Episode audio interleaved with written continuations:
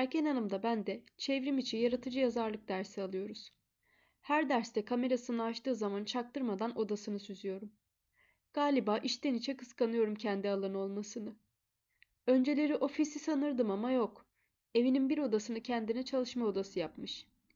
Evinde çalışma odası yapacak kadar bol alanının olması zenginlik göstergesi. Zaten hali vakti yerinde birine benziyor. O sade tasarımlı elegan odadan derse her giriş yaptığında yüzünde güller açıyor. Ne var sürekli bu kadar mutlu olacak bilmem. Gerçi o mutlu olmasın da ben mi olayım? Ben hikayeleri rutubetli evin topal mutfak masasında güç bela yazayım. O dekore ettiği şık odasında keyfince yaslanıp son model bilgisayarında yazsın. Belki de daktilosu bile vardır. Keyif olsun diye onda yazıyordur. O kadarını görmedim henüz. Gri duvarlarını, solunda uzanan güzelim konsolu ve üzerinde her hafta değişen güncel dergileri gördüm ancak. Bir gün kendisine Terken Hanım diyeceğim. İsminizin anlamı nedir? Bir kitaptan öğrendim bu hileyi. İnsanların duymayı en çok sevdiği şey kendi isimleriymiş. İsmiyle ilgilendiğimi görünce muhtemelen beni bir daha unutmayacak. Aramızda bir bağ kurulacak bu vesileyle. Terkin ismini de hangi ileri görüşlü insan koyduysa vallahi tebrik etmek lazım. Anlamını çoktan araştırdım. Yetki sahibi hatun demek. Adının Terken olduğunu bilmesem de yüzüne bakıp bu kadın yetki sahibi hatun derim.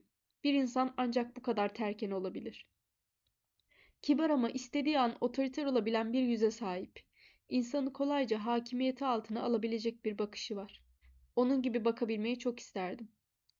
O öyle bakarken bazen öyle sinirlerim geriliyor ki o bakış yüzünde donup kalsın istiyorum. Şok etmek istiyorum onu. Tüm gerçekler dilimden bir anda dökülüversin istiyorum. Terkin Hanım diye seslenmek istiyorum o neşeli neşeli hocamıza sırıtırken. Neden siz terken olmuşsunuz da ben Öznur vermişim? Babanıza sorar mısınız isimlerimizi kim koymuş?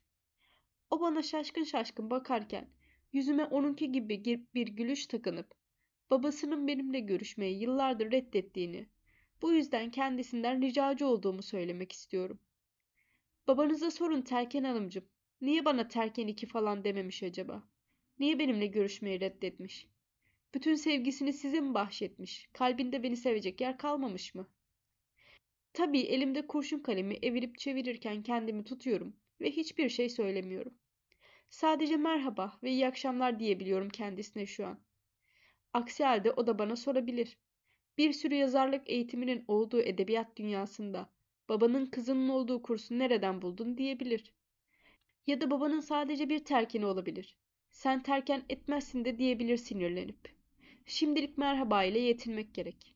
Yoksa yetki sahibi hatun beni bu oyundan diskalifiye edebilir.''